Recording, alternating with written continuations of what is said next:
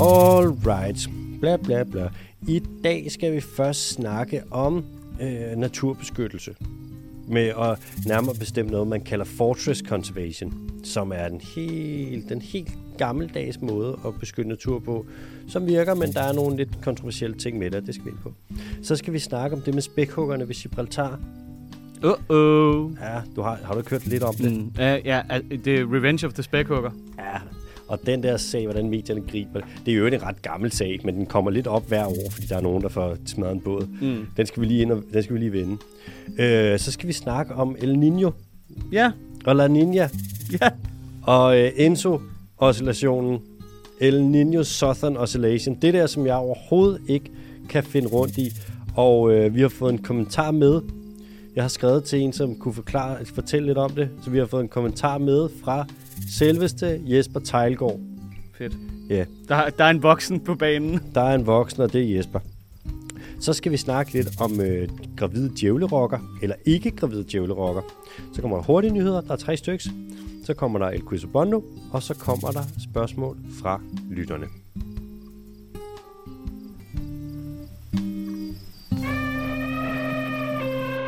Bondo, velkommen til. Jo, tak min ven, du. Hvordan står det til? Det står sgu meget godt til.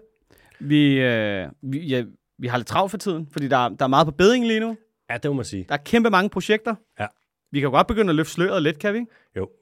Vi skal på folkemøde. Ja, Jeg skal øh, ud og rejse og lave noget konsulentarbejde. ja. Du skal ud og rejse her. Jeg skal ud og rejse og lave noget, også noget, en slags konsulentarbejde. Mm. Vi skal... Øh, og så kommer der... Jeg skal også til, jeg skal til bryllup i Syditalien Hold da kæft. i slutningen af juli. Det bliver en lang cykeltur. Åh, det bliver med tog. Det tager, Mm. for, det tager tre dage hver vej. Ja, Men fedt. øh, ja, Tag nogle bøger med. ja, jeg håber, det bliver en god Nogle fest. good books. Good books. Ja. Og hvad mere?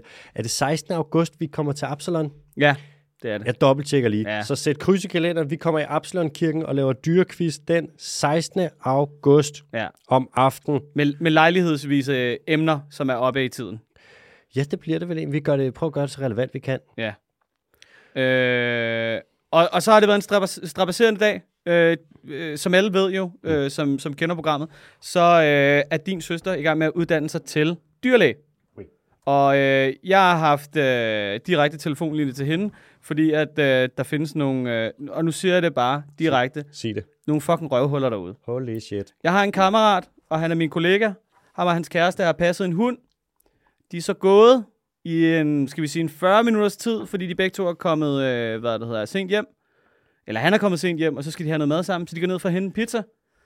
Der er et sunspot, lige da de er nede og hente pizzaen. Så de sætter sig lige ned og spiser den der pizza, og drikker en halv liter cola til deling. Dejligt. Så kommer de hjem 40 minutter senere. Mm. Så er der skrevet med stor fed sprittus på døren, at øh, for det første, så den der krikke, den skal nok, den skal nok øh, hvad der hedder, dø. Og øh, hvad der, de skal bare skide af helvedes til sådan nogle fucking immigranter.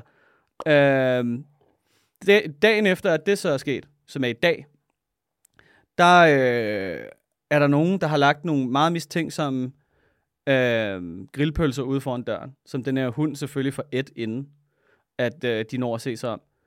Så nu har de øh, kommet opkastpiller i øh, hunden, fordi de ved ikke, om de har været fuldstændig læset med, det ved jeg ikke, alt fra 1700 panodiler til en eller anden form lort. for ja. Ja. Hjem, hje- hjemmelavet øh, anthrax eller sådan noget, ikke? Ja, syr ned. Ja, så du ved, bare lige skud ud til de fucking narrøve, der gider at tage sig tid til at prøve at dræbe andre folks øh, husdyr. Det er ikke effektiv problemhåndtering. Nej. Det er konfliktoptrappende. Ja. Det, det, er meget, det er meget let, det der med at tage den diplomatiske samtale. Jeg vil blive meget... Jeg har ikke selv nogen hund, men jeg vil Nej. blive meget, meget, meget, meget, meget sur, hvis der er nogen, der dræbte min hund. Ja, ja. ja. Er Jeg er fandme blive ked af det. hvis der er nogen, der dræbte øh, Erna eller Holger, mine forældres øh, hunde der, shit, jeg vil blive meget ked af det, meget vred. Hvis de dræbte Mini, den sidste hunde, der vil jeg blive mindre vred, fordi hun er rigtig gammel. Og hun er, hun er, har, hun er irriterende, men jeg vil stadig blive vred og Ja. ked af det. Ja. Vi er nogle dyreelskere, vi er. Ja, vi er så. Du er en meget blød mand, det ved du godt, ikke? Men, altså, hvad sker der? Folk er jo sindssyge. Det der, det er ret Jeg man går og øh, punkterer hinandens cykler og sådan noget, ikke? men det der, det, det sgu lige, det er for langt. Ja, come on, mand. Og så også med at køre med spritus på døren og dødstrusler og ja. ja. fucked away. Mm. Stop det. Ja, det er vanvittigt. Hvad med dig? Har du, øh, har du noget, du gerne vil sige? Hvordan går det med, hvordan går det med forårsbadningen? Det er meget forår nu, ikke? Det er, det er ikke så svært at hoppe i længere. Jeg vinterbader hele året. Jeg, øh, var, og jeg var i vandet så sent som i morges. Var du det? Ja. Okay. Det er lækkert nu. Ja, ja. Nu er det ikke, nu er det ikke koldt mere. Sopper du lidt? Jeg svømmer en lille tur. Nå, gør du det? Ja. Okay. Klokken der i solopgang. Klokken der i solopgang? Klokken der i solopgang. Okay, ja, ja. Jeg kører solo. Skal vi have ramadankalenderen frem, eller hvad? Det er da godt være. Så kan du låne mit bedetæppe. Ja, tak. Så det, øh, det spiller sgu. Mm. Jeg, jeg føler mig ikke så klam, selvom at jeg går i bad nogle gange om ugen. Men jeg er i vandet hver dag. Du er i vandet hver dag. Jeg er lidt klam. Ja. Men jeg er sød. Mm. Mm. Man skal bare holde sin afstand, ikke? Der er også en ting, øh, vi gerne lige vil sige. Ja. Vi vil gerne sige, og det er, det er 100% øh, skrupelløs, at vi vil, vi vil tække penge. Selv, skamløs selvpromovering. Skamløs selvpromovering til alle jer, der lytter med og synes, at podcasten er nice, og at vi laver noget fedt arbejde, så vil vi sætte rigtig meget pris på, hvis I går ind på tier og skriver jer op og donerer en skilling til os for det hårde arbejde, vi laver. Mm. For øh, At der bliver sgu lagt nogle timer i det. Der- det. Og hvis man ikke har råd til det, det er fair. Altså, det skal ikke lyde som om, at øh, vi, vi tvinger det ned i halsen på nogen, men vi sætter rigtig, rigtig meget pris på det, fordi det dækker sgu...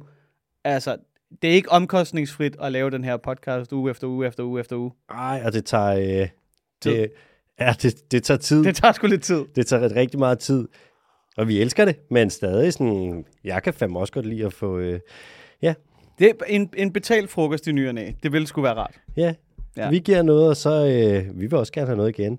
Og jeg kommer til alle, jeg møder, som kommer over og siger sådan, hey, podcasten fedt og godt arbejde. Jeg kigger altid lige sådan, jeg spørger altid, hvad er dit fulde navn?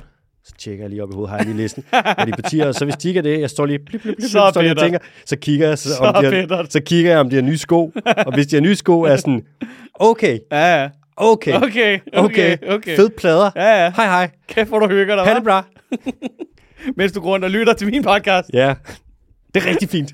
Så fedt. Uh, nej, uh, hvad er det her? Man kan søge på den dyriske team uh, Tier. på 10'er, og det er et 1 og et 0 og et E og et R. Ja. Så burde vores side komme frem. Ellers så kan man rende ind på Instagram og på Twitter og på den dyriske TikTok, og der burde være et link til... Til øh, Linktree. Linktree. Og der ligger det. Ja, Og tak. ja. Fandme tak. Ja, fandme tak til jer, der allerede donerer. Bondo, er du klar til det? Ja, tak. Det første, altså, man kan beskytte natur på rigtig mange forskellige måder. Mm-hmm. Vi har jo snakket om, det kan være alt fra jagtforbud på arter, hvor man kan se, okay, den her, den er simpelthen jaget helt i bund, vi må hellere lade være med at skyde dem. Det jagtforbud vil du typisk se i mange andre lande. Du vil nok ikke se det så meget i Danmark. Altså, mm. ålen får ikke noget fred, stenbideren får ikke noget fred. Øhm, Ja, men det er alle de grimme dyr jo. ja. Og nogle gange også de smukke, de får sgu heller ikke så meget fred. Jamen, Men de kan skydes. det er rigtigt. Man skal være semi, semi-pæn. op på væggen med den, du. Men naturbeskyttelse kan også være de der små drivhus til padder, som vi snakkede om, med dem, der har det der tytriomykose, hvor de får svamp i huden, og så er det, svampen kan ikke lide varme, så bygger du nogle små drivhus nogle steder, hvor padderne kan sætte sig ind. Det er en mærkelig form for naturbeskyttelse. Det kan være, det virker. Men den mest kendte form for naturbeskyttelse, højst sandsynligt, det er at lave beskyttede områder for naturen Mm. naturområder. I andre lande, der kalder du det nationalparker. Det gør vi også i Danmark. Forskellen er bare, at i Danmark, der beskytter man ikke nødvendigvis øh, naturen i nationalparkerne. Nej. Der er sådan noget som Kongernes Nordsjælland for eksempel. Det er en nationalpark propfyldt med pløjemarker. Altså, mm. der er... Det, men det er den danske måde at gøre det på. Anyways, The Danish way. det er den danske måde, det Ja. triste er, at det er sandt. Det er så fedt.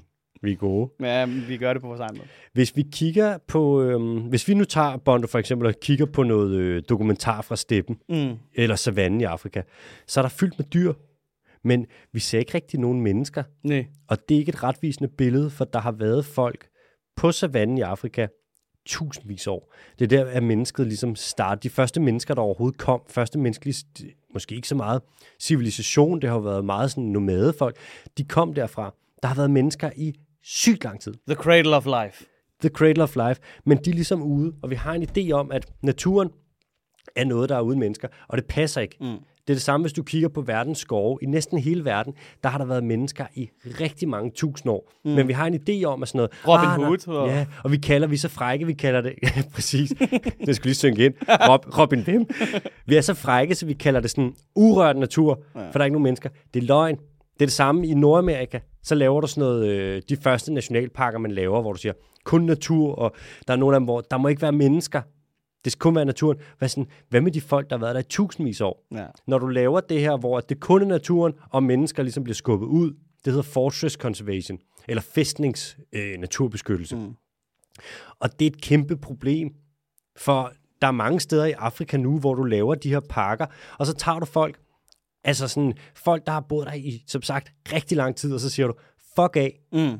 du kommer, vi kommer fra Vesten, smadrer hele lortet, og så skal naturen have noget fred, og de steder, der skal have fred, der er vi sådan, også fra jer, der ikke har gjort noget. Ja, og dernede, hvor din brønd står, fuck det, så må du bygge Ja. en ny et andet sted, hvor der er Præcis. pistørt. Så må du blive klimaflygtning, og det er sådan, det er dybt unfair, og der er et quote, og jeg ved ikke, hvem det er fra, men jeg, det, jeg faldt over det, da jeg sad og ligesom læste lidt op på det her. Der er, at når man gør det her med fortress conservation, nogle steder i Afrika, så det man gør, det er, og nu kommer det på engelsk, meget skotsk, hold fast, places the life of a zebra higher than that of an African person. Og der er også et ret racistisk element i det på en måde, for du vil jo aldrig gøre det her i Norden.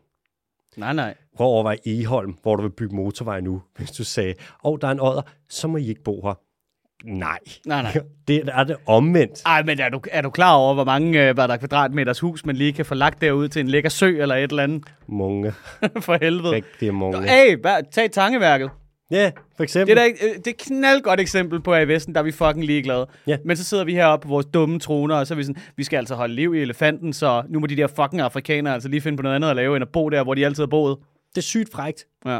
Og vi kan, det kan man snakke lang tid om, men det er vigtigt at have i mente, at naturbeskyttelse, vi må altså også have, det må ikke kun være biologi, antropologien må ikke blive glemt. Mm. I virkeligheden kan man også sige, de her folk, de har kunne finde ud af at leve i og med naturen i så mange år, uden at fuck den op. Så bare fordi vi i Vesten kommer og fucker den op, det skal de da ikke lide under. Det er det bedste redskab, vi overhovedet har til naturbeskyttelse, det er at give landet tilbage til dem, som det tilhører. Men er der ikke også et element i det, at det bliver meget, det bliver meget også af dem, det er jo derfor, man kalder det menneske-elefant-konflikt, og menneske-bjerggorilla-konflikt, eller Ja, menneske-tiger-konflikt, eller Ja, sådan noget, ikke? ja. Altså, fordi det, er ligesom, at det, det, det bliver sådan lidt os mod dem. Der kan, ikke, og der, kan, der kan ikke være en symbiose, og det er også derfor, at man i yderste tilfælde ender med at lave sådan nogle ting, hvor man tænker, ja, men altså, så er det alt eller intet. Altså, vi gør, fordi vi ikke kan stole på de der fucking idioter derover, så skal vi da også lige fjerne de lokale, tænker vi. 100. Altså. Og mange af de steder, hvor du så fjerner dem, der ligesom er der og bor der, mm. så giver man lov til mining concessions. Men Det, er- det, var, det var det, jeg lige skulle til at spørge om. Er det, sådan, er det ikke rimelig fucked up, at man som kanadisk selskab kan sørge for, at et lokalt folk, altså der har boet der i, jeg ved ikke, altså øh, tusindvis af år, skal flytte sig, fordi mm. at nu har man altså øh, fredet noget, fordi at kanadier gerne vil bore der. Altså, Det er sindssygt. det virker mærkeligt. Det er en, øh, er det en rodet problematik. Ja. Den udspiller sig ekstremt meget i øh, det mest i Afrika, man ser det her. Mm. Du ser det også nogle steder i Sydamerika, hvor der også er, altså du har oprindelige folk, der ligesom bor i nogle af det, som primært skovområder, Ja. hvor du egentlig tager skovområderne og siger, ah, skal det også være for mennesker det her? Den er meget, meget, meget tricky. Du ser det også en lille smule, vil du se det i Sydøstasien og Oceanien, men det er primært i Afrika. Og det er som sagt Fortress Conservation. Og de organisationer, der gør det, det er sådan noget for eksempel, hvad fanden er det, de hedder? VCS, World Conservation Society, tror jeg det hedder. En af de største naturbeskyttelsesorganisationer mm. i verden. De gør det rigtig meget. Mm. Og de er sådan, vi beskytter naturen. Sådan, I glemmer, at mennesket er en del af naturen, ja. guys. Det er Nå. pisse synd. Ja, det er det altså. Nå, Mathias. Vi hopper videre. Mathias. Mathias. Åh, oh, Mathias. Mathias, min dreng. Hvad far? Ja, hvad far? Hopper vi ikke videre til den næste nu? Slap af. Det gør vi nu.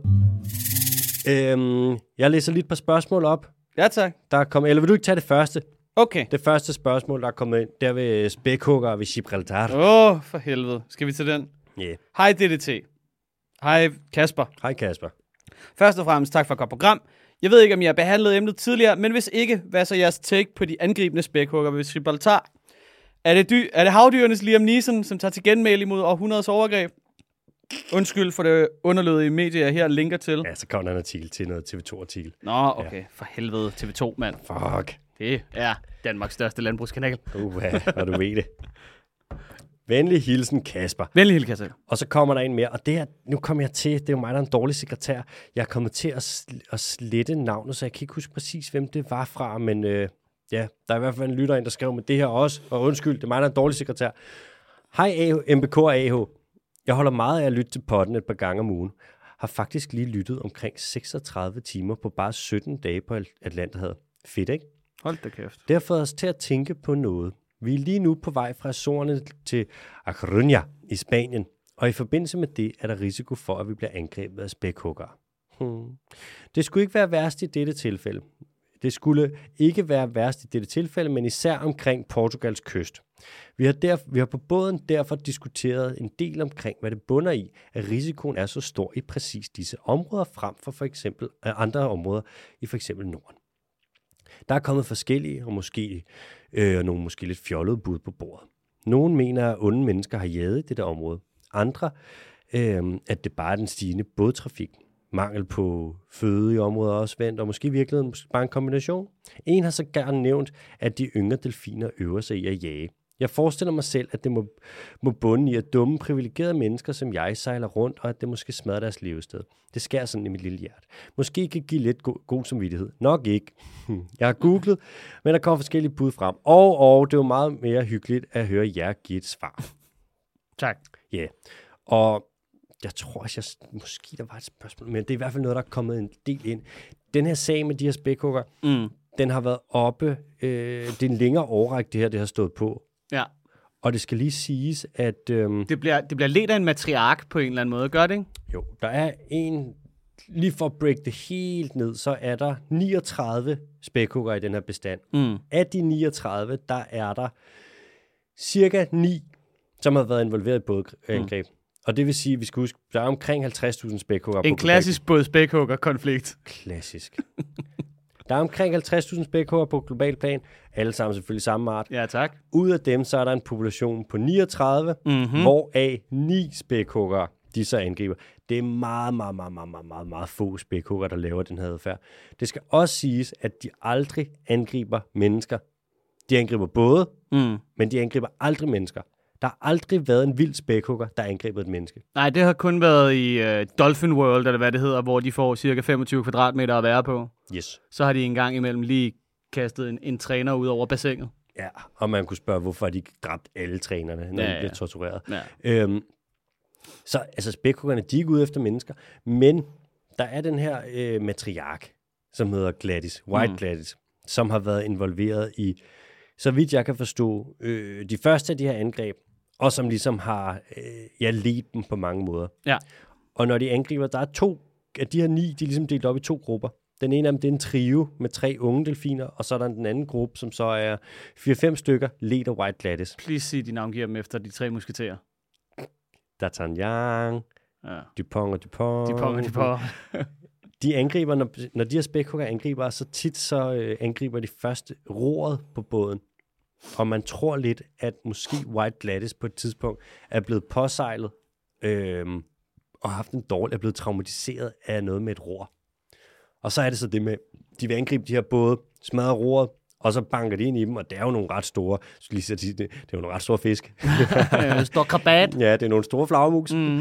Og så det sidste, så er det de her øh, både, de synker. Og enten det kan være, at de leger. Hvem ved, det kan da være, at det er meget grineren for dem. Ja. Men der er også en faktor, der spiller ind her, at det er nogle af de mest trafikerede øh, farvande i verden. Der er ekstremt meget larm, der er ekstremt stor risiko for at blive påsejlet af både. Der er virkelig, virkelig forurenet, øh, og der er ekstremt meget øh, specielt kviksøl, som ophober sig, og en eller anden slags plastik, er det PCB, tror jeg, som ophober sig i de her spækhugger. Så de også, deres reproduktive evne er super dårlig. Mm. Og så er der en del øh, fiskeri på tun, og også lidt overfiskeri. Mm. Og alle Som- de her ting, ja, Så muligheden foreligger, at det er hævn eller stress. stress. Stress, der kan forklare adfærd. Øh, spækhugger, det er, det er en delfin, ja. den største delfinart, der findes. De er ekstremt intelligente, men de er et meget presset sted. Øhm, og øh, man kan sige, Ja, altså, det er jo, det er jo, altså er de, er de, kan de være ter- territoriale på en eller anden måde, hvor man ligesom tænker, det er sådan, jamen, det er jo klart, de angriber, du skal jo bare fucking fedt af, altså. ja, nej, Nej. det vil jeg ikke gætte på. Nej. Man ser ikke, at de har territorial adfærd nogen af de andre steder. Nu studerer man den også kun som en art, jo. Så det, ja, god pointe. ja. Fedt, hvis man fandt ud af, at det der det er en helt anden art. Ja, ja. Det er virkelig en slags rev. Nej, jeg synes... Altså... Hvad, hvad, hvad var det originale spørgsmål? Øh, måske kan jeg give mig lidt god samvittighed. Nok ikke. Er det fordi dumme, privilegerede mennesker sejler rundt og smadrer deres levesteder? Ja, det er det sgu nok. På en måde. Men man kan sige, det er jo ikke noget, folk gør.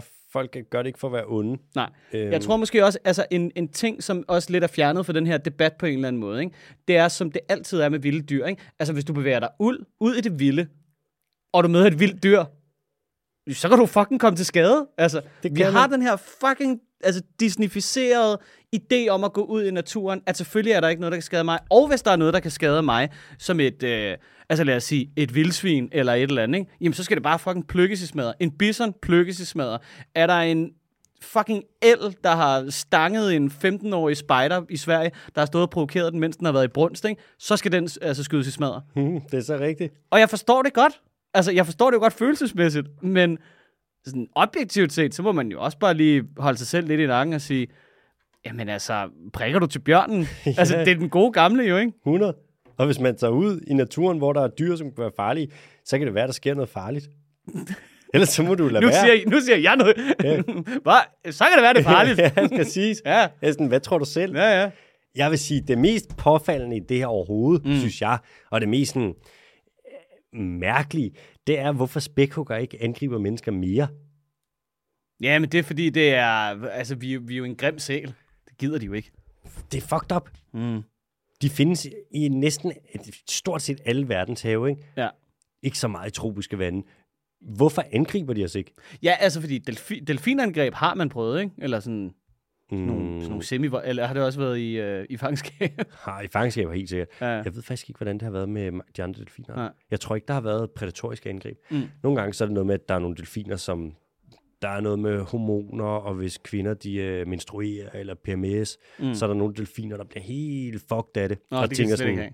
Nej, nej, så, er de sådan, så minder de der hormoner lidt om Mm. delfiners mennesker. Så bliver Der går kan- meget Lars Bøj, Lars Bøj Mathisen i den for delfinerne. Han kan slet, de kan slet ikke forstå det. Det, det forstå giver slet det. ikke nogen mening, det der. Og så bliver de sådan lidt, øh, så kan de godt blive super delfinliderlige, og så kan der være sådan noget øh, seksuel aggressiv mm. adfærd. Men jeg tror ikke, der er prædatorisk angreb fra delfiner. Nej. I det hele taget er der nærmest ikke noget i havet, der vil angribe mennesker for at spise os. Nej. Og det er mærkeligt. Det er jo inklusiv hajer. ikke? Det er jo altid, fordi de har forvekslet os med et eller andet. Mm. Så er det, fordi man har rendt rundt på et surfbræt og ligner sådan en stor, fed, lækker søl. Ja, præcis. Så må du lade være med at sige så lækker ud, Ja, ja. hvis du ikke med vil spises. din lille lækkerbisken, så vil du være med at hoppe ned i en kinder mælkesnitte. Hvis du skal ud og surfe, hvis du skal ud og surfe, så vær grim. Jeg ved ikke. Jeg ved ikke, hvordan man skal gøre det. Eller hvad man skal sige til det. Jeg kan ikke sige så meget andet, end at... Øh, altså, bliver du brændt af en, en vandmand eller en brandmand, så er det jo nok, fordi du har været i nærheden af en brandmand. Præcis. Jeg tror, at de kommer til at skyde øh, White Gladys. Ja, det, kan, det skal der slet ikke være tvivl om. Og det bliver ham der fra Fievel, turen går vestpå, eller et eller andet. Ikke? Sådan en rigtig god gammeldags jæger med et oversædet jagtgevær, der bare står og plukker. Ja, fedt. Jeg tror også, de skyder, hvis de skyder hende, så skyder de nok også de, nogle af de andre, der har angrebet. Og bestanden er så lille, altså 39 individer. Den reproduktive succes, succes, den er i forvejen ikke en succes. Hvis de Mm. skyder White Gladys og de andre der, så vil genpølen blive så lille, så den bestand vil være super truet af indavl og nok dø. Også fordi den er i farvandet, der i forvejen er så forurenet med så meget trafik og overfiskeri. Mm. Altså, Middelhavet er helt knippet. Så den bestand er meget presset. Ja, vi snakker jo også om The Great Trash Patch, eller hvad fanden det hedder. Ja, men også med skrald. Ja, ja. Der, altså, det er sgu... Ja, sådan er det. Ja. Og nu vi hopper videre til noget, som jeg ikke forstår. Vi hopper videre til... Øhm, Nå ja, voksenkommentar. ja, der er nemlig det med, at... Kan du huske det, vi snakkede om med at den her øhm, El Niño Southern Oscillation? Udover stillehavet, der, der er der det her med vejrforholdene, der skifter en gang imellem, hvor det går fra El Niño til La Niña, altså fra drengen til pigen, eller den anden vej rundt, hvor La Niña er mere sådan et koldt vejrfænomen, Mm. og El Niño gør, at det bliver, det bliver varmt. Ja. Og så har det noget at gøre med nogle monsuner, der kommer op, og nogle tyfoner, og nogle orkaner og noget, og en masse regnfald. Mm. Det er sådan et ordentligt kæmpestort vejrfænomen. Og når de mødes, så er det El Peligroso Abuela. Den farlige mormor. ja, det er farlig mormor. Abuela peligrosa. Mm. Øh, der er det med, at vi har haft La Niña, den kolde af dem, Mm. i nogle år. Og nu ser det ud til, at der er ret stor chance for, at det skifter til El Niño i år, som er den varme af dem. Og der er 80% chance for, at det her skift det vil ske i oktober. Og det er ikke et problem i sig selv. Det er et helt naturligt vejrfænomen. Men havtemperaturen er, og det er der måske nogen, der også har opsnappet eller set, der har været en lille smule med i medierne. Havet er ekstremt varmt. Man mm. har rekordhøj temperatur i Atlanterhavet og i Stillehavet. Og det gør det problematisk, fordi hvis det er La Nina, som er den kolde af dem, og det skifter til El Niño, som vil gøre det endnu varmere, og havet allerede er ekstremt varmt, Mm. så har du altså et problem. Så havner vi i en Lars Lykke, hvor det er mere og mere. Det er mere og mere, og det er varmt, varmt. Det vil man ikke have. Det er ren Shakira Caliente. Man vil gerne have-. Man vil gerne have mindre mere. Du vil gerne have mindre, lidt mindre mindre. Mere mindre. Jeg vil faktisk gerne have mere mindre. Mere og mindre. Du laver en god Lars Lykke. Hvor har du lært det? Er det fordi, du er fra Græsted? Det er bare fordi, jeg spænder, jeg spænder mit lille slips en, lidt for hårdt en gang imellem. Mere mindre. mere mindre. Nå. Øhm, Det er altså en dårlig blodomløb, blodomløbstanke, han lige kom, kom på banen med der. snaps. Nå, Ja, så det er lidt, det her vejrfænomen er en lille smule øh, kompliceret, synes jeg. Mm. Så, vi har skrevet til Jesper Tejlgaard Mm. med et spørgsmål, og så lige for at uddybe det, og lige for at opsummere det så meget som muligt og kondensere det, og få det råt for uforsødet. Altså, Ja. så skrev vi til Jesper, vi er på fornavn nu jo, så skrev vi, problemet er, at El Niño vil falde sammen med rekordvarme temperatur i både Stille og, Al- og, Al- Stille og Atlanterhavet. Er det rigtigt forstået? Og så svarer Jesper så, det er for så vidt rigtigt. Vi er nu øh, i, i, vi er nu i tre, øh, har haft en kolde udgave. Ej, der har jeg copy-pastet et eller andet forkert. Hvad skal der stå mm. der? Vi har nu i tre år haft en kold udgave. La Nina. Det har holdt de globale temperaturer lidt nede, eller rettere sagt, forhindret at de steg. Nu er den periode så ophørt, og forskerne venter, forventer, at en ny El Niño er på vej. Oven i det er der sket en anden bemærkelsesværdig forandring. IMO, det står for den internationale maritime organisation, har vedtaget at udfase den meget svovlholdige olie til brændstof. Dette brændstof har den uheldige effekt, at det udleder en masse svovl til atmosfæren. Det skaber dels en masse usunde partikler, og dels dannes der svovlsyredråber. Både partiklerne og svovlsyredråberne reflekterer sollyset, så der kommer mindre energi ned til jordoverfladen. Når, nu, når man nu fjerner svovlet, bliver himlen mere klar og luften sundere. Men det får så den sideeffekt, at der kommer mere energi ned til overfladen. Derfor har vi, har vi set, at havtemperaturen er rekordhøj i år. Og det er inden den nye El Niño er etableret. Så vi får to ret effektive opvarmninger til at gå hånd i hånd. Endnu, ingen, endnu ved ingen, hvad konsekvensen bliver. Men en del forskere er temmelig bekymrede. Men det er også vigtigt at at fastholde, at vi er i ukendt terræn. Naturen kan finde på at gøre noget andet, end vi forventer. Det mest sandsynlige er dog, at vi får en forstærket opvarmning i år med alle de risici, det indebærer. Effekten fra El Niño er ikke særlig set i Europa. Så det lyder lidt som om, øh, og tak for svaret, Jesper øvrigt. Det er fedt lige at få en ekspert, en voksen ind over. ja, det skal jeg lige love for. Bondo, det lyder lidt som om, at man ikke helt ved, hvad der sker, men det nok bliver meget varmt. Ja, Det er det mest meteorologiske, jeg kan sige om. ja, ja. ja. det, det er lidt det samme her. Der var noget med noget. Han sagde noget med noget, ikke? Der var noget med nogle, nogle partikler og nogle, nogle kvarker og Du, svovlsyre og, du, er ude på, du er ude på et område, du ikke helt forstår. og nu... Så hvis man jagttager... Bondo, du er en semantisk guillotine, men du er dårlig til svovl. Uh. Uha, er du sindssyg.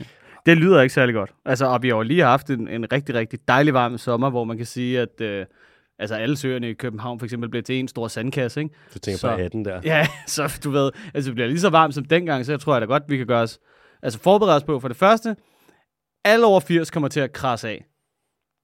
Vi bliver nødt til at slukke alt, hvad der hedder øh, hvad der er nedkøling til is, fordi at de står bare og banker derud af. Så det kommer til at ryste hele København i stykker, fordi at nedkølingen, den bare skal stå og... altså, det kommer til at blive så dyrt i strøm, det kommer til at blive så dyrt i alting.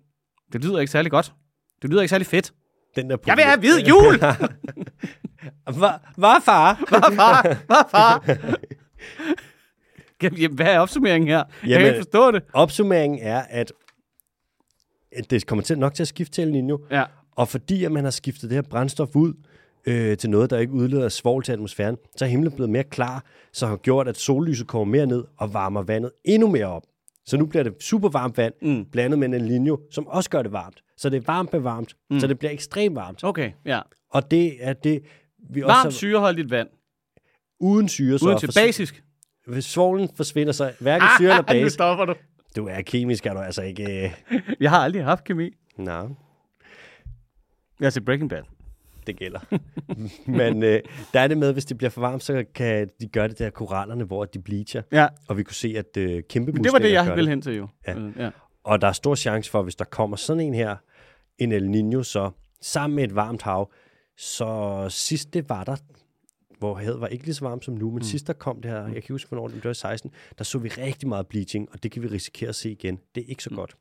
Det, der er så fucked up ved den globale opvarmning, ikke? det Hvad er, at det med den lille finger jamen, der, hva'? det er... Det er ligesom dig og klonen jo. En gang imellem, så kommer klonen lige frem. Du. Hvad det hedder, det der er så fucked up med den globale opvarmning, det er jo, at alle vesterlændinge, det er jo os, der tror, at vi skal bestemme det hele, ikke? Ja. Det skal vi også. Øh, hvad det hedder, men det bliver jo kun godt for os, ikke? Altså, hvis vi får, altså hvis den kan gå fra gennemsnitlig 16 grader til 22 grader varmt vand på Gilleleje Strand, altså så er vi jo stolt til stanglakris.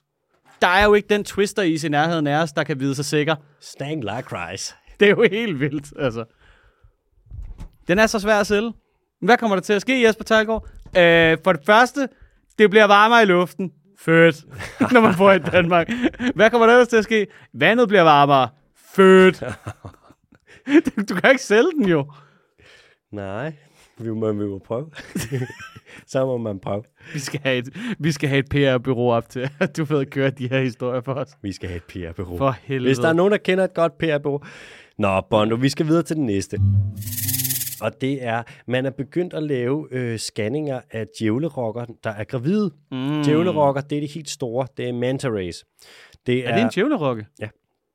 Det er fra Ariel, eller den lille havfru, ikke i den af toren, hvor det er Manta, der er skurken. Øh, det er en djævlerok. Og det er dem, der kan blive kæmpestore. Mm. De Lad os lige den hænge. Lad os lige den hænge, at du har set Ariel 2. Den lille havfru. Der er sgu da ikke nogen toer. Er der ikke? Finder du på noget? Det kan da godt Er der en toer? Det tror jeg. Prøv lige at google det. Prøv lige at begøve det. okay. Du kører bare. Er der ikke? Jeg føler, der er en tor. The Little Mermaid 2. Return to the Sea. Okay, undskyld. Ja, så tror jeg nok, du skal Ja, jeg trækker lige mig. stikke den lille Undskyld. lakridspige. Undskyld. Undskyld, bliver der. Hold da kæft. Ja, ja. Nå, øhm, du ved, det der, man laver, når du tager øh, og scanner, når nogen er gravide, Mm. og du har den der, du lige kører henover der, så kan du se, hvad det i maven. Man har sådan en nu, der er øh, kontaktløs, som du bruger under vand til at scanne djævlerokker. Det er sådan, at djævlerokker, de bliver, øh, de bliver ikke gravide på samme måde som pattedyr, for det fungerer ikke helt på samme måde, men det minder om, de har, djævlerokker har en unge inde i, jeg tror det er æggelederen. Jeg er ikke helt sikker. Det er i hvert fald ikke livmoren på samme måde. Jeg er ikke 100% sikker på det rent anatomiske i det, men de bliver gravide, og man kalder det på engelsk, at de er gravide med en pop, altså en valp. Dansk hedder det bare en rockeunge. A puppy. A pup. En little puppy. Og en djævlerokke er gravid i øh, 13 måneder. Hold da kæft, det er jo lige så lang tid som mennesket. Mm. Og når de har de der unger, de har inde i maven, de kan komme ud. Før de bliver født, der har de et vingefang på næsten 2 meter. Før de kommer ud. Eller det er så, når de kommer ud, ikke? Så er de kæmpe, De bliver født to meter brede. de er kæmpe store. De ligger sådan her. Det er ligesom folk fra Eberslund. Bliver de født to meter brede? Ja. Hvad så, mand? Ud, mand. Bare med tribals helt op i ansigtet. Ej, undskyld, Eberslund. Ja. Men øhm, nu tager man, før når du har kigget på øh, om sådan en gravid hund der, Ja. ja. eller skulle estimere, om de var gravide, så har man kigget efter det, der hedder mating scars. For når de skal parre sig, så han, han kommer lige over, haps, så bider han sig lige fat i finden, og så får de et lille ar. Han går til den. Ja. Men nu kan man se, at øh, der er flere af de hunder, som har mating scars, som når man så kommer over og prøver at scanne og se, om der er noget inde i maven på dem, så er de faktisk ikke gravide. Så man har overvurderet, hvor stor en andel af djævlerokkerne, der var gravide. Og det er jo så det, der bekymrer forskerne lidt. Okay. Fordi at så er der jo ikke så godt gang i reproduktionen, Nej, som man troede. nej. Og det her, det er altså ikke lige en art, der har det skide godt. Nej. Langsom generationstid, ikke? Det er meget ligesom, når man spørger folk under 16, hvor meget sex de har. Mm, Og alle siger sådan, Åh, oh, der er fuck, der er gang i den, mand. om jeg har været Puh, sammen ja. over 100? ja, i sidste uge. Jeg kan tælle det, så mange, som jeg har været sammen med. Er du sindssyg, så skulle jeg da bruge mere end 100 hænder. Hvor mange, øh, hvor mange er der? Hvor mange individer er der? Det ved jeg faktisk ikke. Okay. Men men det skulle ikke undre, man, man, er, man har nok cirkatal på det. Der er nogle forskellige populationer af øh, djævlerokker. Der er en ved, ved Maldiverne. Det er dem, som man har været ude nu og scanne. Og så er der nogen ved øh, Hawaii og Mozambique og ved Japan. Og der er det særlige ved den population her, der er ved øh, Maldiverne, at de får kun en unge cirka hver syvende år. Det er ekstremt langsomt øh, reproduktion. Det er næsten lige så langsomt som orangutanger, som mig bekendt, at det dyr, der reproducerer sig, altså har den længste generationstid overhovedet. Orangutang. Orangutang. Og hvis man kigger på, på øh, bestanden af djævlerokker ved Hawaii eller Mozambique, de får en unge hver andet år. Og bestanden ved Japan får en unge hver fjerde år, så det svinger ret meget. Det er sådan lidt Der er rigtig døllefjælde mus dernede, hva'? Der er nemlig rigtig meget dølfjælmøs. Så øh, vi må se, det ser ikke umiddelbart så lovende ud, men der kan jo være mange forklaringer på det, og jeg synes noget, der er sejt ved det, det er det med, at der er nogen, der svømmer rundt med scanner og ligesom scanner djævlerokker, mm. for at se, hvad de har i maven. Det må være ret, det må være et ret fedt arbejde. Tror du, de har monitoren med, og sådan peger? Det er sådan den dreng. Prøv at se, det, du kan se her, prøv at se. Djævlerokken er sådan, det er den lille djævlerokketissemand. ja. og djævlerokken er sådan, holy shit. Øh, er helt bælgeret. Bred. Mm. Det regionale populationsstørrelser er relativt små. De holder typisk til i, i regioner fra 100 til 1500 individer. Okay. Så det er bare til, hvor mange steder de er, og så sige sådan, okay, cool, der er 1500. Ekstrapolere. Ja. Bono, er du klar til nogle hurtige? Øh, der, man er kommet til at introducere en æderkop i øh, USA, som hedder Joro-æderkoppen. Joro. Og den kommer over fra øh, Asien af. Du skal næsten prøve at søge på den. J-O-R-O Spider. Så skal du se... en- J-O-R-O. Ja, så skal du se en fucking Joro. kæmpe æderkop. Den er Den er, sådan ligesom uh, camel spiders og sådan noget. Kæmpe store... Uh... ja, men mere sådan, den her, den laver et net. Ah! Og nettet er, Hvorfor, har den, hvorfor har den en vips på røven? det ligner det jo. Det er, det er jo meget smart. Det er jo sådan en form for afskrækkelse. Ikke? Den net det er så kraftigt, så det kan godt, den kan fange fugle i nettet. Hold da kæft. Og nettet bliver, altså det kan være over en meter bredt. Det er helt sygt, og de spreder sig overdrevet meget i øh, USA nu, hvor det er blevet en, en slemmer, der er en invasiv art. Ikke?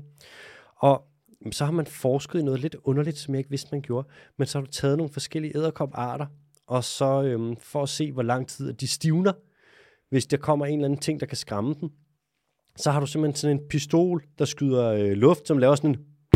Så skyder den sådan en omgang varm luft på æderkoppen. Så har du Selvfølgelig kan vi ikke, under, selvfølgelig kan vi ikke under- undersøge noget, uden at skulle skyde det. Jamen, jeg er sådan dybt. Hvem har nogensinde været sådan, skal vi ikke uh, tage nogle æderkopper, og så prøve at skyde varm luft på dem, og se, hvem der har siddet stille længst? Huh, huh, huh. Så har du taget de her forskellige æderkopperarter, huh, og så skyder du, huh, skyder du varm luft på dem. Og den æderkop, der stivner suverænt allerlængst, det er Jodo-æderkoppen. Okay. Det er ikke unormalt, at de stivner op til en time. Nå, er det rigtig, rigtig stoldans med, med hedderkopper, det her. Ja, det er det lidt. og man er sådan, hvad, hvorfor? Og det er så, fordi de spiller døde, hvis der kommer et rovdyr, et eller andet. Og det virker åbenbart, fordi at der bliver jo ikke præderet særlig meget på den. Så, siger, så læste jeg lige om, da man lavede den her undersøgelse, og de sagde, Det er så dumt. de første af dem, at de lige skød på med de der, den der luftpistol der. Mm. Altså ikke sådan en, der skyder noget projektil. Det er Nej. bare varm luft, ikke? Jo, jo. Øhm, sagde de, så skød de på noget, og nogle af dem, de sad stille i op til to timer. Så de her folk, de skulle altså hjem fra arbejde, og laboratoriet skulle lukke. Så de var sådan, Nå, så må vi jo tage dem med hjem. Så der var en gut, der tog en masse af dem med hjem, og havde dem derhjemme, så at de kunne se, hvor lang tid de stivnede. Han sagde, at hans kæreste synes ikke, det var det mest romantiske, han kunne dekorere med kæmpe kopper. Altså, er der ikke nogen, der har fortalt ham, at man bare kunne gøre det for morgenstunden? Hvad far, er du så for Ej, men det er da for dumt. Hvad nu, hvis han lige lavede noget andet om morgenen? Hvad, hvad, hvad nu hvis? Hvad nu hvis? Hvad far? Hvad far? Hvorfor kan Er man du det? så? Det er sgu da det mest åndssvage, jeg nogensinde har hørt. Der er der ikke, der er der ikke nogen klokken kvart i, hvad der er klokken kvart i 17, eller et eller andet, der lige siger, jo, lad os da lige tage et time langt møde. Altid, når man er i laboratoriet, det er sådan, man gør. Du møder altid, altid, altid, Og altid. bruger man virkelig syv timer om dagen på, i et laboratorium på bare at lave kaffe? Otte. 8? Ja, okay. Åndssvagt, siger jeg bare. Bondo har bedømt, hvor mange æderkopper vil du give? El stupido. Fra 0 til 10 æderkopper? Jeg giver en stor dum, øh, hvad der hedder, Aragog for Ringende Sager. Uh, Nej. hvad? Nej, Harry Potter. HP? Ja. Nå, øh, næste hurtige. Man har været over i øh, det, der hedder Greater Mekong Region, den her region, der er omkring. Øh, der hvor Mekongfloden også løber igennem over i Laos og Thailand og Vietnam og lidt op i Kina. Og så har der altså været et hold biologer ude og se, hvor mange nye arter de kunne finde. Og de har fundet fucking mange. Vi snakker adskillige arter. Vi snakker både reptiler, vi snakker pattedyr, vi snakker rigtig mange invertebrater. Og det viser ret godt, hvordan at når man laver ekspeditioner ud i naturområder, specielt i trupperne, for at finde noget nyt, man finder det. Altså, tro mig, man finder. Der er så mange arter, man ikke har fundet og beskrevet endnu. De fleste af dem er forholdsvis små, men stadig. Det er derfor, når du siger sådan, hvor mange arter findes der af alle organismer på tværs af planeten, 14. så er man sådan, jamen me, no, mellem 10, 10 millioner og 50 millioner. Man ved det ikke. Men hver gang du går ud og kigger, så finder du alt muligt. 1 Så- million, milliard, million, milliard. Penge på min børneopsparing. Nå, og så skal vi lige til Tunesien, hvor at der er nogle ålegræsenge, og de er ekstremt vigtige for fiskeyngel og for biodiversitet, og de er ved at blive smadret af ulovlig bundtrål. Og de fleste af de fisk, de fanger, bliver sendt til Europa. Nå, okay, fedt. Men Det er da fedt, at øh, hvad, de også kan i Tunesien, og det ikke kun er os. Det må man sige, det kan de da finde ud af. Mm. Nå, Bondo, Skal vi til det? quiz mig. Uh. Tror du, du, det gik jo rigtig godt i sidste uge. Det må man sige. Det er syv, syv fulde point. Mm. Jeg nåede lige at sige et eller andet, og så var du sådan her på, åh, det er kraftet med dig. Leopardtal. Øh, hvordan tror du, det kommer til at gå i den her uge? Det er bare lige, det er bare lige lad os lige forventningsafstemme. Lad os lige, du ved, sætte en, sætte en båd i søen. Det bliver et fire. Det bliver en 4. Cool. Ugens dyr, hvis det er en hund, har i panden to pelsspiraler. Fælles for begge køn, er den kan rense øjenlåg og ører med sin tunge. Ja. Sagde du pelsspiraler? Spiraler. Ja.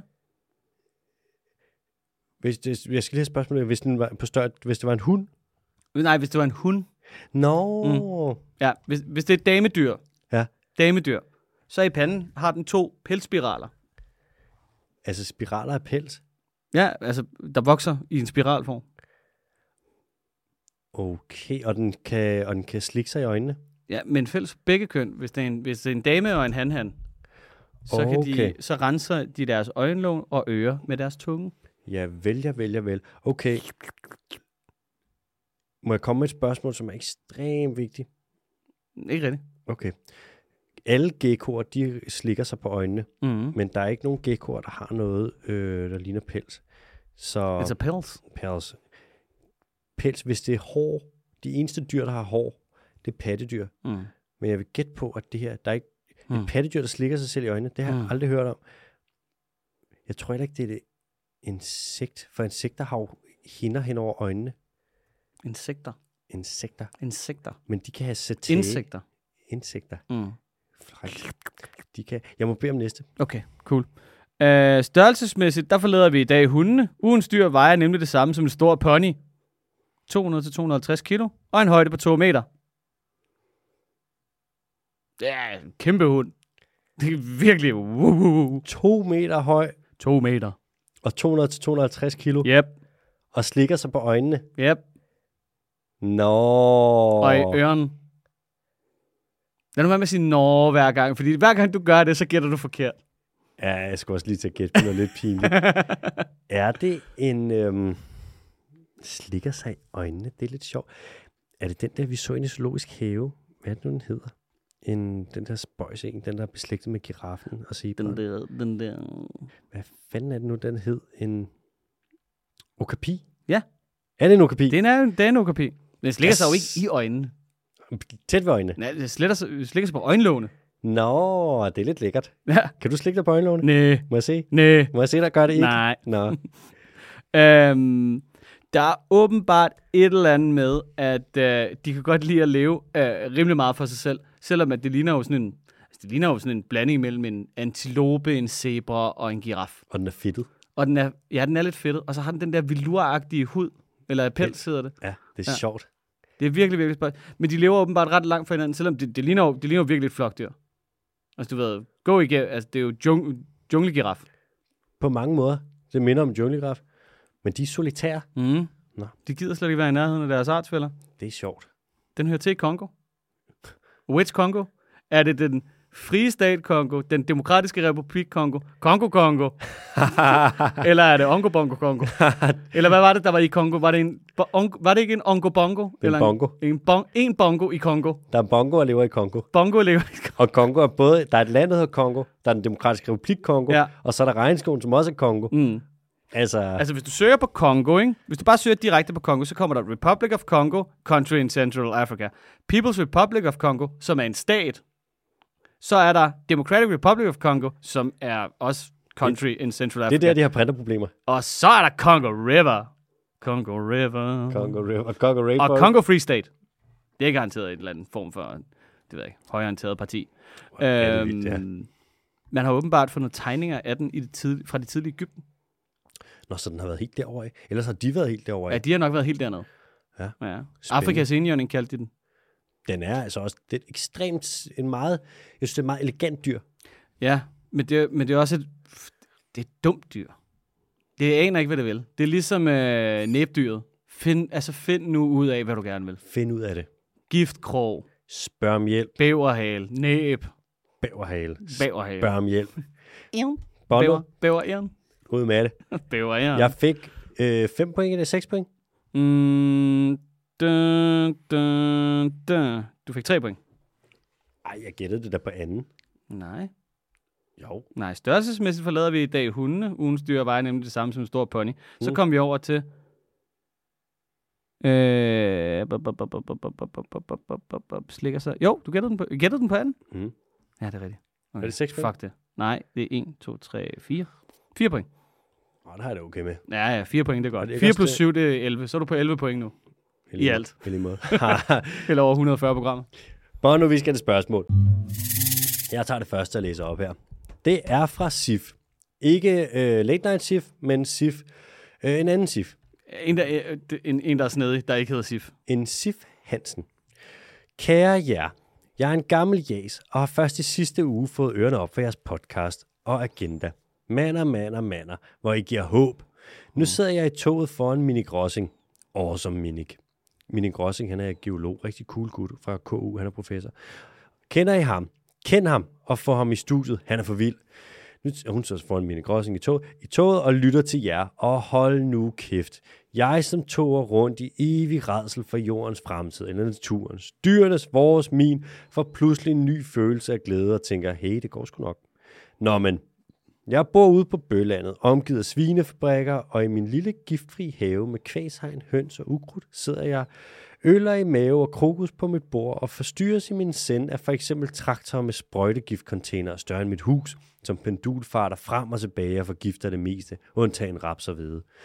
Når jeg så, sjældent, stikker snuden frem og for eksempel skriver, har lugter så fælt af, fælt af gylde, at jeg er den eneste, der får hovedpine af det, eller noget i, retning, i den retning på Face, eller en kronik i information, så kommenterer 99 procent, at jeg er en idiot, at det er lugten af penge, eller at jeg skal lukke røven og flytte tilbage til Stenbroen. Sidst måtte tråden lukkes efter 200, ironisk nok, mere eller mindre svinske kommentarer på under et døgn. Jeg undres for evigt over den retorik, der er omkring konventionelt landbrug. Hvorfor må man ikke sobert række hånden op og med lav toneleje spørge, hey, er det egentlig rimeligt at holde dyr på den måde, forgifte natur, miljø og grundvand på den måde, sprøjte og sprede gylde på den måde til gavn for en og kun en, the landman, uden at der spredes en styk lynchstemning. Jeg er svært ved at se, hvordan vi skal komme videre i arbejdet for bedre landbrug, natur, dyrevelfærd osv., når vi ikke engang kan stille et forsigtigt spørgsmål, uden at få blæst hovedet af, af selv dem, man synes virkede kloge og rare. Hvorfor vil du tage brød ud af munden øh, på folk, din satans københavner? Hey mand, jeg spurgte bare, hvad klokken var. Nå, men nu er, det, nu er det lidt for ukonkret.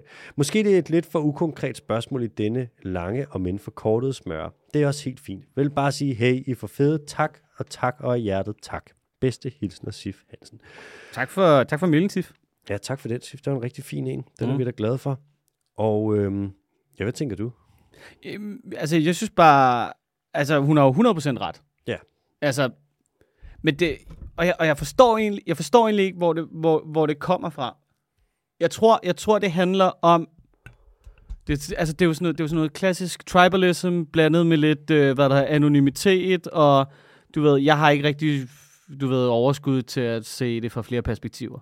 jo den samme lyndstemning, der opstod, da der, da der er en pony, der falder om, fordi der simpelthen ikke er mad til den, eller at den har trådt på et det ved jeg ikke, et søm eller et eller andet, ikke? du ved, altså det er, sådan, det er så underligt, hvor ondt i røven man kan få over de mærkeligste ting, men samtidig accepterer 30.000 døde pattegris om dagen. Mm. Og det er ikke lugten af penge. Men det er jo fordi, at der er nogle ekokammer et eller andet sted. Vi sidder med meget stor sandsynlighed i et af dem. Men vi prøver trods alt at komme derud. Vi prøver at være i dialog med dem, vi er fucking uenige med. Vi prøver at snakke med alt fra jæger til, hvad det hedder, øh, alskens eksperter, som har noget at sige på det her område. Og der er jo også nogle gange, vi snakker med eksperter, som også er sådan relativt uenige med os. Altså, eller i hvert fald kan se det fra et større perspektiv, hvor man ligesom er nødt til at sige, jamen den dialog, vi er nødt til at have med politikerne, den kan man ikke have på det plan, som I har det. Mm-hmm. Sådan en som Thomas Kirk for eksempel. Han er jo meget diplomatisk. Altså, han siger det må sådan, man sige. Jeg har en masse viden, som jeg kan videreformidle, og det kan være, det kan hjælpe. Præcis. Jeg tror bare, at de havner i nogle ekokammer, hvor der eksisterer to ting, og det er, øh, hvad der hedder, hvor prisværdigt, øh, hvad man kan sige, den profession den er, så lever de i en boble af, at verden går under, hvis landmanden ikke gyldesprøjter marken hver dag, eller holder flere millioner grise. Og det, og, og det er den virkelighed, de lever i. Og det er rigtig, rigtig svært at komme ud af. Og så er det også fucking irriterende, når Sif Hansen skriver et fucking lortet, du ved, læser brev på et eller andet tidspunkt. Nå, ja, ja. Jeg, jeg, jeg, jeg har ikke så meget andet at sige til den, det tror jeg. Altså, Nej. det er jo bare ironisk nok, at de siger, at du skal flytte tilbage til Stenbroen, når du er, trods alt bor ude på Bøgelandet. ja, det er ikke engang løgn. Så hold dog kæft. Jeg tror sgu, du har ret, Bono. Jeg tror også, det er, fordi vi holder nogle skrøner i live, ikke? Mm. Der er også nogen, der har en del skyld i det her. Øh, landbrug og fødevare. Ja. Jeg læser nogle gange Landbrugsavisen. Øhm, og bare for os for at se, sådan, hvad er det egentlig, Jeg skal skønne litteratur, hva'? hvad er det for noget, der bliver snakket om? Og der, der bliver der 100% pustet til den der fortælling om, at danske landmænd er de bedste, og er så gode, og vores miljøtiltag virker, og klimaet og så videre, og det passer bare ikke. Det er løgn, og de bliver ved med at sprede det der, og man kan sige, så er der nogen, der ligesom øh, er i nogle af de her, mm. lidt nogle ekokammer. Der vil være nogle landmænd, der læser landbrugsavisen og tænker, "Men hvis vi gør det så godt, så skal SIF skulle da lukke røven. Og der kan man sige, det er 100% landbrugets interesseorganisationer. Det er deres skyld, fordi at de, øh, ja, de lidt holder landmændene i en illusion. Ja. En gang, der var det en god idé, troede man, at lave svinefabrikker. Man vidste ikke bedre. Mm. Vi ved bedre nu, ikke? No. Og det der med, at det lugter af penge, det tror jeg, så lugter, jeg tror, det de mener, det er, at det lugter af offentlig støtte. Ja, ja, det lugter af subsidier. Ja, og mm. det lugter nok også lidt for tiden af, at vi man mister 220 kroner per svin per landmand, som mm. man sender til slagtning. Ikke? Ja. Kæmpe underskudsforretning. Mm. Så, Det er også det, jeg aldrig har forstået med det der fucking lækage-argument. Altså, jamen, så lad, så lad os det betragte det som geopolitisk krigsførsel på en eller anden måde. Så lad os lukke vores landbrug, og så bare se statskasserne i alle andre lande bare blive tømt natten over. Altså, det, det, det kan vi da bare gøre. Altså, det er skørt. ja. Der er også det, man skal huske med lækageargumentet, at de andre lande, vi siger, der vil være lækage til, de har altså også underskrevet Paris-aftalen. Mm. Så hvorfor skulle de vil hæve deres udledninger? Ja. Det er som om, at vi tror, at Danmark er det eneste land i verden, der prøver at øh, udlede mindre drivhusgas. Mm. Det er det ikke. Vi er, der er mange andre lande, som er bedre til at sænke deres udledninger end Ja. os. Og de andre lande prøver også. De vil ikke overtage en klimaskadelig underskudsforretning. Der lyver landbrugslobbyen åbent, og det er det, der gør, at folk de tror, at det vil være dårligt, hvis man laver en svinefabrik om til noget bæredygtigt. Mm. Det håber jeg var svar, Sif. ja. Bono, vil du ikke læse det næste op? Jo. Vi har fået et brev, eller en besked fra Clara, og den starter bare en medieadresse. Alright, Ja. ved ikke, om det er noget, I lige ved så meget om, eller om I allerede har talt om det i et tidligere afsnit. Parentes, i så fald, sorry. så er det. Men i dag fik jeg en reklame på Instagram, der advarer om, hvordan vores drikkevand er i fare på grund af pesticider. Og så beder de om, at man lige kan melde sig ind og donere penge til at redde drikkevandet. Jeg sad bare og tænkte, skal private mennesker nu også redde det vand, vi drikker? Uh, kunne godt tænke mig at vide, hvor fuck vi egentlig er med drikkevandet sådan i forhold til fremtiden og mulighederne, og hvorfor der ikke er blevet taget hånd om det, hvis det reelt set er en risiko, at vi i fremtiden ikke har nok drikkevand. Eller parentes, nu skyder jeg lige noget ind. Noget, som er drikkeligt. Altså, der er masser af det, men kan man drikke det? God pointe. Ja. Til sidst, øh, og så må jeg så lige tilføje, at den dyrske team småt er blevet mit morgenritual. Jamen, øh, tusind tak for beskeden, klar. ja, tak, klar. Mm. Det er jo det er Clara Jobbetrops søster. Nå for helvede. Mm. Nå. Hej, Clara. Hej, klar. Øhm, den reklame på Instagram, den er gået fra DN. Mm. som laver en masse for ja, det med at beskytte drikkevandet. Den er interessant, den der problematik, fordi man kan gå ud fra et øh, forsigtighedsprincip i to retninger. Du kan sige, at øh, vi skal passe på, være forsigtige med i forhold til folkesundhed, drikkevand, alt det vi har i fremtiden, så vi bliver nok nødt til at begrænse nogle aktiviteter, der forurener drikkevandet. Mm. Eller du kan have et forsigtighedsprincip i den anden retning, der siger, hvad nu hvis det slet ikke er så dårligt, at drikkevandet bliver forurenet, så vi lader være med at begrænse for eksempel landmænd og den industri, som forurener drikkevandet, for det kan jo være et problem for dem. Det er lidt den der boksekamp, hvor at hvis man går ind og støtter DN, hvilket jeg 100% vil anbefale folk at gøre. Det er mm. Danmarks Naturfredningsforening. Det er en pissegod organisation. De arbejder for, at man skal have et forsigtighedsprincip i forhold til natur, folkesundhed, miljø. Og den anden vej, der vil du have igen, for eksempel landbrugslobbyen, der ja. siger, vi skal have et forsigtighedsprincip i forhold til landmændenes økonomiske mm. interesser. Det er bare det. Og hvor fucked vi er med det vand, vi drikker, det er, der er pesticider i det meste af drikkevandet. Mm. Og i pesticiderne, der er PFAS-stoffer. Det giver kraft. Det er lort. Det ophober sig i kroppen. Så på nuværende tidspunkt, man kan godt drikke vandet, men der er ret stor chance for, at der er mere og mere lort i. Ikke?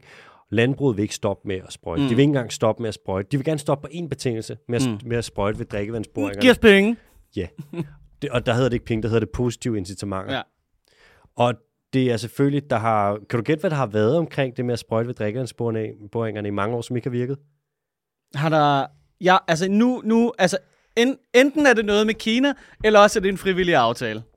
Bingo, mand. Ja, tak, man. Der var en frivillig aftale. Fy for helvede, det bullseye. Ja, og jeg tror, den virkede. Der var vist det var over 1000 øh, forskellige bønder, hvor man kunne se, de sprøjtede de her steder, og man var sådan virkelig værd, og jeg tror, det var sådan noget mm. tre, der stoppede. Ja. Frivillige aftaler virker aldrig. Nej. Hver gang der bliver sagt frivillige aftale og positive incitamenter, og det er landbrug og fiskeri, så skal der være røde lamper, der blinker. Jamen altså, altså du, kan, du kan jo ikke stille en frivillig aftale op, som, altså, som, som, som et, altså et, skræmme, et skræmmescenarie, der er stort nok til, at det kan afvige, eller få folk til at afvige fra deres egen, egen grådighed, eller en, en virksomhedsinteresse. Nej. Fordi det tror jeg også nogle gange, man skal huske, det er, det, sådan, det er jo ikke nødvendigvis altså en person, der sidder i en virksomhed og træffer en beslutning om, at nu vil jeg gerne svine det hele til. Mm. Men fordi de arbejder i en virksomhed, hvor virksomheden på en eller anden måde har sådan et, altså et, over, et super jeg eller sådan noget på en eller anden måde, så er det jo virksomheden, der gerne vil have, så derfor faciliterer man, at virksomheden gerne vil have et, et, et positivt øh, hvad der hedder, resultat for enden af måneden. Mm. Så nogle gange, så er det jo også, det er jo også sådan, så hengiver man sig lidt til en eller anden, altså en eller anden form for gud, gudsagtig størrelse, mm. hvor man er sådan, det er jo givet på forhånd, jamen det skal jeg jo bare gøre, med, med, med, det ene eller andet. Og så den anden ting, jeg fucking hader ved det her, ikke? Ja. det er, at nu har vi lige været to til tre år igennem med corona, med folk, der er øh, vaccineskræmte, og du ved, der ikke har,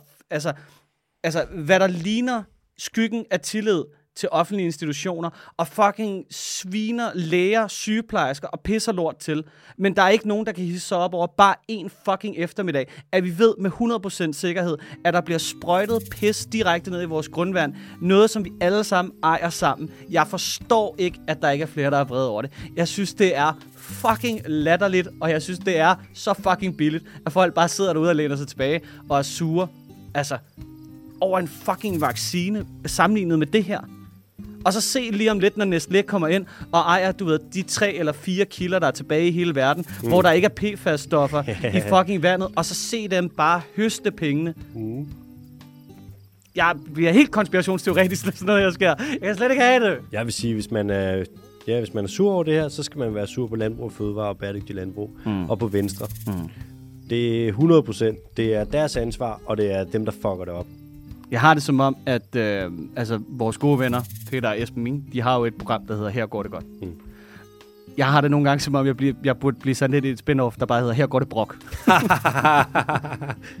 okay, Her går det brok. Okay, for jeg hisse mig op. Ja, men du er god. Der skal, ikke, der skal ikke være til en, en irriterende cyklist foran mig, der ryger mig lige ind i skærmen, oh, og så hisser jeg mig op de næste tre kilometer, oh, og kommer hjem og skammer mig over det. For helvede. Sådan er det. Nå, har vi flere spørgsmål? Nej, Bono, jeg har ikke mere. Mm. Nå, tak til Clara, og tak til Sif. Ja, og tak øh, til jer, der lytter med. Og gå ind og skriv op på tier, så bliver vi fandme glade. Tak. Adios.